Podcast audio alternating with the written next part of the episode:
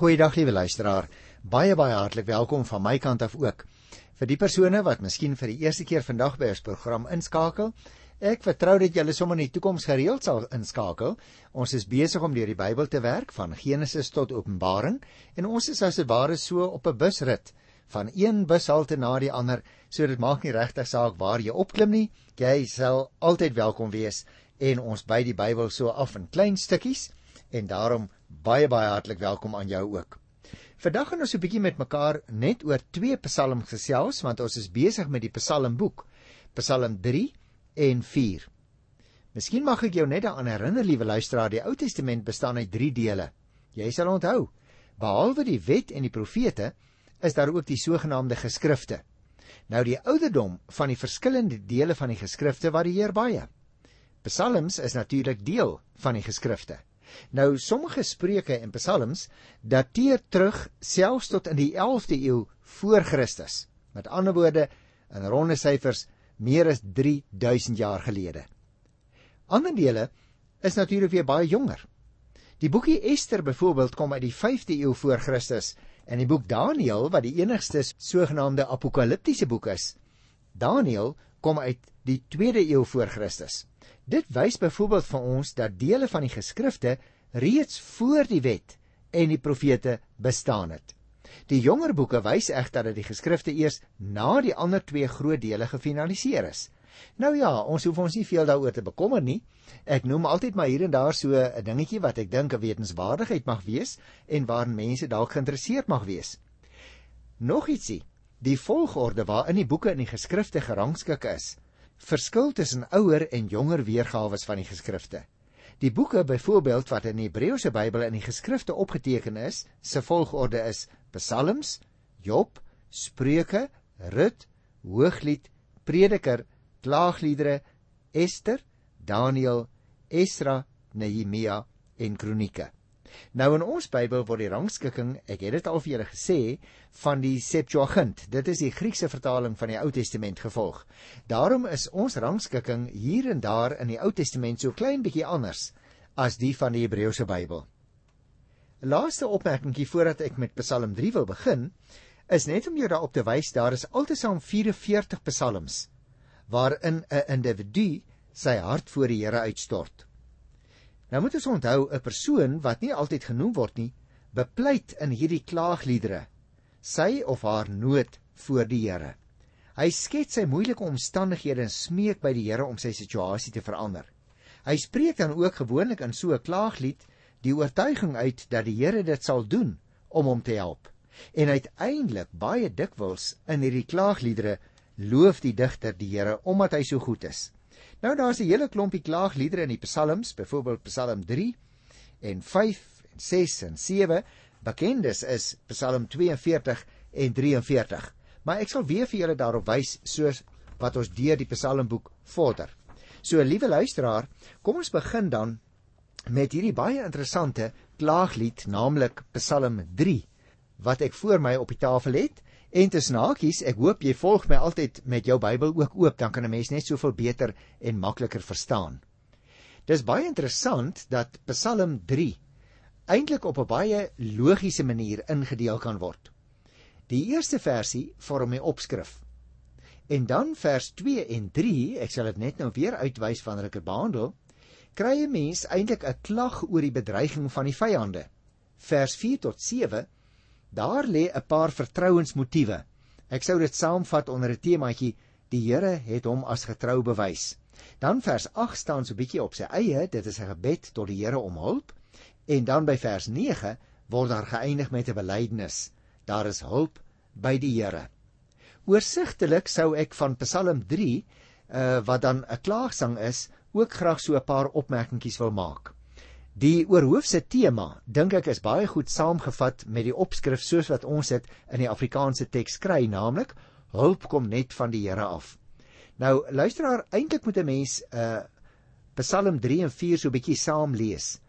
Want uh Dawid is hier aan die woord, maar ek wil nou nie nou al uh met jou gesels oor Psalm 4 nie. So in die môre toe hierdie man wakker word, so lees ons in Psalm 3 by die 6de versie, nadat hy goed geslaap het, het hy hierdie lied heel waarskynlik geskrywe. vanuit die konkrete gebeurtenis waarin Dawid selfs heel waarskynlik in baie haaglike omstandighede was, ondervind hy dat die Here hom in die nag beskerm. En dit kry by albei hierdie psalms 'n baie algemene betekenis, naamlik God sorg. God help en hy beskerm altyd. Nie net in hierdie spesifieke omstandighede toe Dawid besig was om vir sy seun te vlug nie, maar ook elke dag, liewe luisteraar, ook beskerm die Here mens in die nag van baie gevare. Miskien kan jy na die spesifieke omstandighede gaan kyk as jy sou wou in 2 Samuel 15 vers 1 tot uh, 2 Samuel 16 vers 14. Dan sal jy die agtergrond van hierdie Psalm waarskynlik baie lekkerder en makliker verstaan. Nou goed, kom ons kyk so bietjie na hierdie klein opskrif. 'n Psalm van Dawid toe hy vir sy seun Absalom gevlug het. Met ander woorde, liewe luisteraar, ons het hier 'n baie mooi voorbeeld van hoe dat die historiese konteks baie spesifiek en pertinent vir ons genoem word. Ons weet dus presies wat die presiese omstandighede was waarin hierdie gedig of lied, soos wat dit nou vir ons opgeteken is, ontstaan het. En dit help 'n mens altyd, né, as jy die agtergrond so bietjie kan lees wanneer jy ook die Psalm se betekenis wil naslaan. 'n Baie ander interessante ding wat ons moet opmerk by Psalm 3 vers 1 is dit. Dit is die heel eerste in aanhalingstekens opskrif wat in die Psalmbundel voorkom. Ek het die eerste dag toe ons begin het met ons inleiding oor die psalms vir jou so 'n bietjie vertel van die opskrifte, naamlik dat die eerste vers van 'n psalm soms aangebied word as die opskrif. So wat ons dus eintlik in die Afrikaanse teks het, is 'n samevatting van die Bybelkenners om vir ons te sê waaroor die psalm kortliks behandel. Maar hier kry ons dan van 'n hele klompie psalms die eerste versie wat eintlik ook 'n opskrif vorm. En hierdie Psalm 3 is dan die eerste spesifieke een. Dit gee vir ons inligting oor die aard of die herkoms van 'n spesifieke psalm of soms ook selfs oor die omstandighede waarin dit ontstaan het. Daarom het ek net nou reeds vir jou gesê dat die opskrif hier 'n Psalm van Dawid toe hy vir sy seun Absalom gevlug het, vertel vir ons baie presies in watter konteks die Psalm sy ontstaan gehad het. Nou hierdie byskrifte wil ek nou dadelik sê is natuurlik eers lank na die ontstaan van die Psalmmiddel bygevoeg. En dit is nie altyd vir ons presies duidelik wat daarmee bedoel word nie. Dit geld ook vir die woordjie Sela. Nou aan die einde van vers 3 sien jy weer hierdie woordjie Sela en ek het al vir jou gesê van tevore dat ons nie presies weet wat dit beteken nie. Heel waarskynlik is dit 'n musikale aanduiding vir die dirigent om vir sy instrumentaliste of die sangers, die koor miskien, 'n aanduiding te wees waar hy vir hulle beduie en 'n teken gee om te sê nou moet julle harder sing of sagter speel of so en daarom uh, is daar nou al baie geskrywe hieroor en ek het vir jou gesê die woordjie sela kom nie minder nie as 71 keer voor in die psalmbundel in sy geheel. Interessant dat ons hier in Psalm 3 drie keer daardie woordjie het aan die einde van vers 3. Vers 5 sal jy dit ook sien in jou Bybel en vers 9. Die woord Psalm wil ek ook net hier vir jou verduidelik. Dit dui daarop dat die lied met snaarinstrumente begelei moet word terwyl die woorde van Dawid soms daarop dui dat hy of die digter was van die spesifieke lied of dat die lied aan hom opgedra is. Maar ons sal nog weer met mekaar daaroor gesels wanneer ons later by meer sulke psalms kom. Nou goed, kom ons lees dan Psalm 2 en 3 en jy sal onthou ek het vir jou gesê hierin kry ons eintlik die klag van die psalmis. En spesifiek handel dit dan as 'n klag oor bedreiging deur vyande. Ongelukkig, liewe luisteraar, is die byskrifte wat ons kry, soos wat ek nou nou vir jou gesê het, die eerste versie byvoorbeeld 'n 'n latere toevoeging is om vir ons die konteks van die Psalm te verduidelik, is dit eers lank na die ontstaan van die betrokke psalms bygevoeg. En juis daarom is dit vir ons belangrik, maar aan die ander kant wil ek dadelik sê, selfs dit help ons nie altyd om die historiese konteks te verstaan nie, want daar word soms opdragte gegee oor met watter musiekinstrumente die lied gesing moet word omdat dit die beste instrumente sou wees wat pas by die atmosfeer van die spesifieke lied en dan word niks van die omstandighede gesê nie. Soos by party eh, van die opskrifte moet ons ook onthou, was dit blykbaar bedoel om 'n wenk te gee aan die lesers dat hulle dus 'n lied gesing het, maar hulle het eers van die dirigent gehoor. Nou wat was presies die omstandighede? Nou die oomblik as mens dit vir mekaar sê, dan verstaan jy natuurlik luisteraar, dit gee ook 'n bepaalde manier waarop jy dan die lied gaan sing. 'n Mens sal byvoorbeeld, kom ek neem nou net 'n vinnige voorbeeld, sê net maar op Psalm 134 dink ek is 'n baie goeie voorbeeld waar die opskrif is dat die liere aan die wilgerbome opgehang is. En die rede was omdat hierdie mense deur hulle baase daar in Babelonie verplig is om 'n vreugdesang te sing om die mense by die vure te vermaak wanneer hulle kuier. En dan sing hulle daardie hartseer lied te Psalm 134 om te sê, "Hoe kan ons 'n Sionslied sing hier in Babel? Want ons trane loop oor ons wange." Daarom is die konteks waarbinne so 'n lied ontstaan het altyd baie belangrik. Kom ons kyk dan hierdie tweede en derde versie. Moet jy oplet, die tweede vers begin spesifiek deur die Here aan te roep soos wat die gebruik meesal is in die klaagpsalms. Die klag in hierdie verse het dan as inhoud die beskrywing van die digter se vyande. Alhoewel dit tot die Here gerig is, moet jy oplet, val die klem in hierdie verse op die beskrywing wat daar van die vyande gegee word en word ook hulle self aan die woord gestel. Gaan kyk byvoorbeeld in 2 Samuel 11, dan sal jy sien toe Dawid met Batsheba oorspel gepleeg het, het die vrede uit sy huis en uit sy ryk verdwyn. 2 Samuel 12 vers 10 sê dit ook. Daar het oorlog in die land gekom, rebellie was aan die orde van die dag. Nou, in hierdie Psalm se agtergrond met Absalom se opstand hier, wat vir armou Dawid baie swaar kry, laat verduur het. Wat natuurlik die straf op sy sonde was, is eintlik in 'n sekere sin die hoogtepunt bereik. Die feitelike beskrywing van die toedrag van sake hier in vers en ook ander se opmerkings oor sy situasie in vers 3 grens eintlik aan wanhoop. Hy sê ek het baie vyande.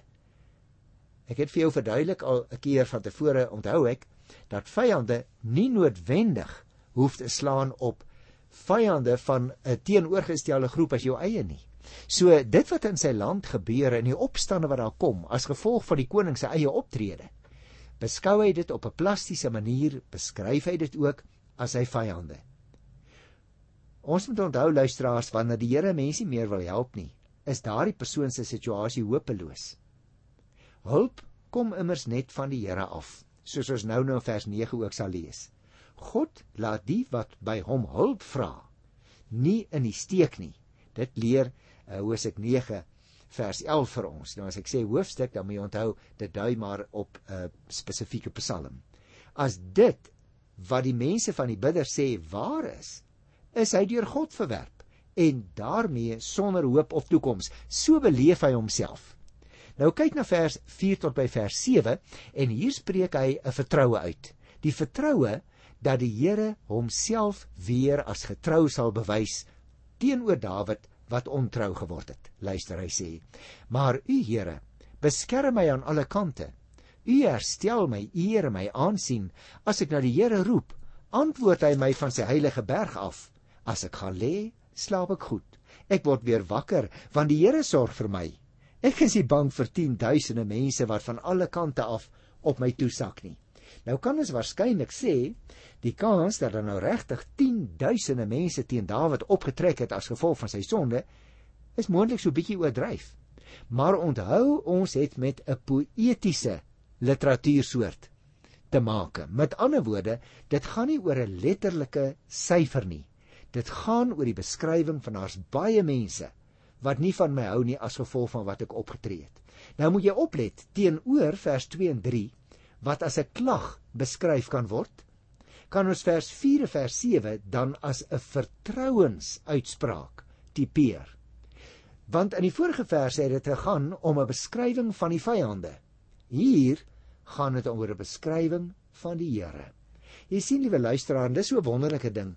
Die beskerming van die Here word met 'n treffende metafoor beskryf, naamlik van 'n skild dat die Here hierdie persoon beskerm soos 'n skild. Mense sou dit ook in Hebreëus kon lees, maar u Here is 'n skild rondom my.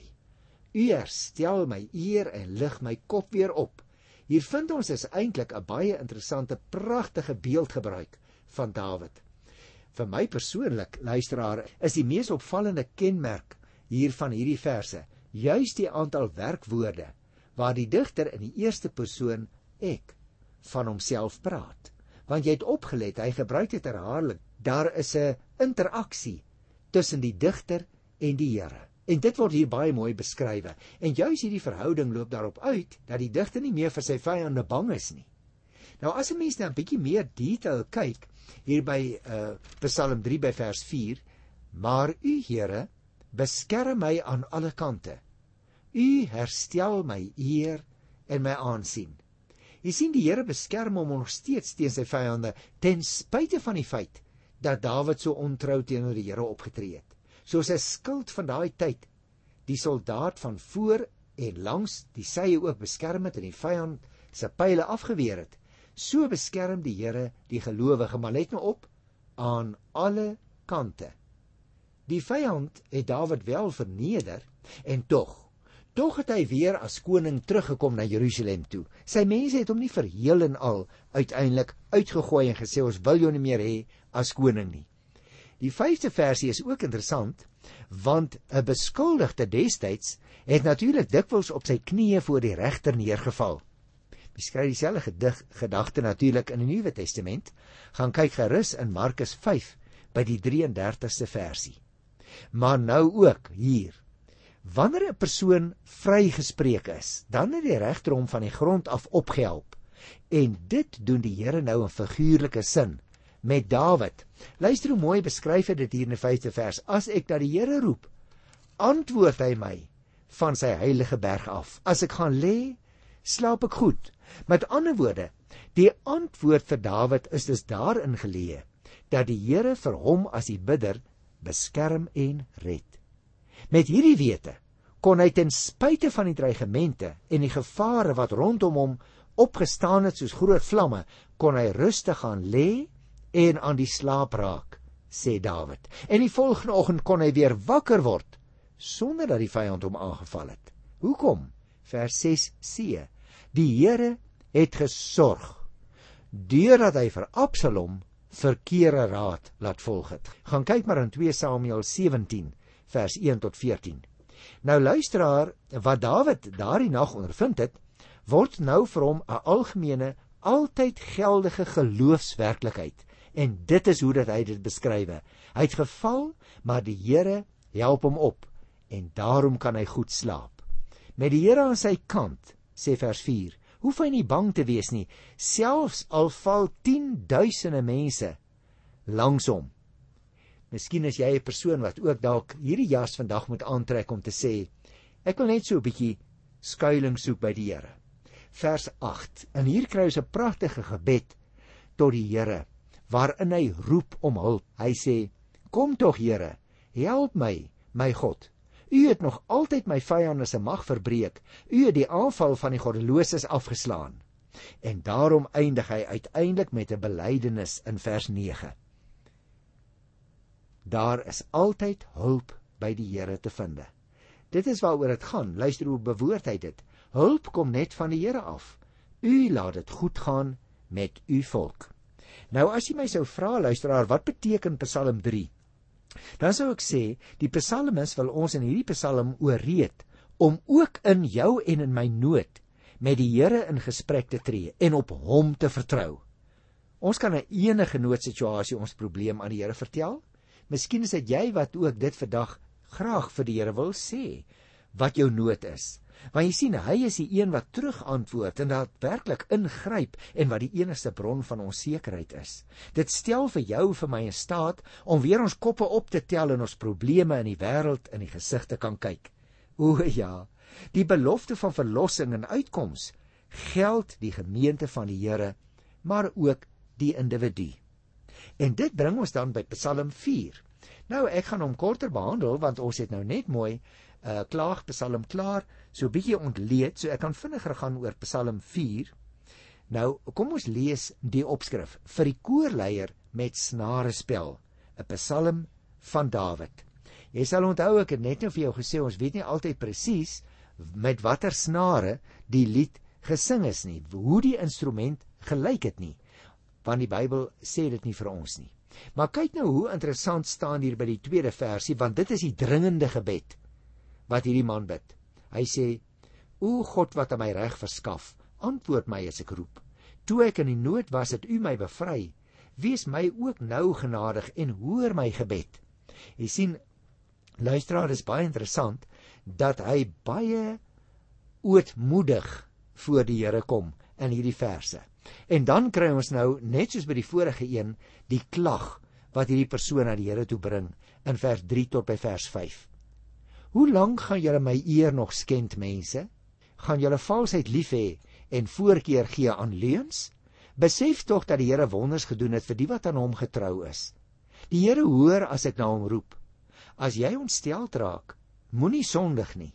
Dink in stilte daaroor as jy gaan lê en laat dit daarby. Met ander woorde, die bedoeling van die Psalm is as hy sê as jy ontstel raak, moenie sondig nie want jy weet mos liewe luisteraar ook as jy en ek soms ontsteld is hartseer is benoud is asof ons hart voor die Here wil uitkla soos hierdie man dan sê ons soms ook verkeerde dinge asof die Here die skuldige is. Nou kry ons die oproep in die 6ste versie. Julle moet die offers bring wat aan julle voorgeskryf is en julle moet op die Here vertrou. Jy sien luisteraar die Here verwag nie dat 'n mens moet wraak neem nie. Hy is die een aan wie die wraak toekom. Gaan kyk maar in Psalm 79 vers 10 en ook as jy wil in Romeine 12 vers 19, want die Ou en die Nuwe Testament staan mos nie teenoor mekaar nie. En dan ek wil amper sê ons kry so 'n stukkie ironie hier in vers 7 en 8.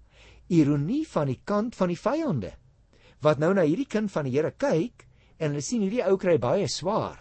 En let nou op hoe reageer die vyande, dit is nou die ouens wat nou nie in hierdie situasie die Here se hand wil raak sien nie. Hulle sê: Daar is baie wat sê: Wie sal dit weer met ons laat goed gaan? Wees ons tog weer goedgesind, Here, help ons. U het my reeds groter vreugde laat belewe as wat daar is by mense wat koring en wyn in oorvloed het.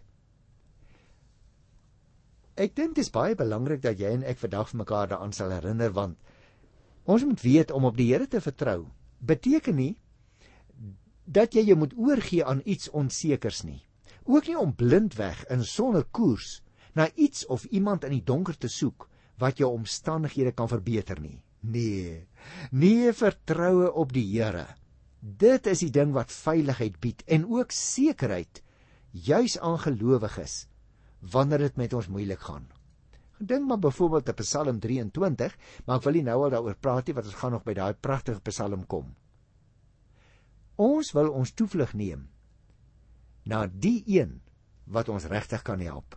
Hierdie is dus nie luisteraar 'n wanhoopsroep nie hoor, maar dis 'n doelgerigte vraag aan die Here. Ons het dit mooi gekry daar in vers 7. Wie sal dit weer met ons laat goed gaan? En die antwoord wat hierdie man gee is die Here sal ons help. Hy sal dit met ons laat goed gaan. Wat is die betekenis? Luister so 'n bietjie na die slotversie vers 9. Nou sal ek onbesorg gaan lê en dadelik aan die slaap raak, want Here, U alleen laat my in veiligheid woon. En daar lyk dit vir my het ons die werklike betekenis ook hier van Psalm 3 en van Psalm 4 dat dit vir ons wil leer Ons vertroue is eintlik net op die Here. Hy is die een wat dit uiteindelik weer met jou en my sal laat goed gaan. Daarom, liewe luisteraar, wil ek jou ook uitnooi. As jy dalk bekommernis het op hierdie dag, as jy voel jy word deur vyande bedreig, wat ook al die aard van jou probleem mag wees, stort jou hart voor die Here uit. Praat met hom daaroor. Hy is die enigste een wat kan help en hy is gereed om te help. Ek groet jou in sy wonderlike naam tot volgende keer. Tot dan. Totsiens.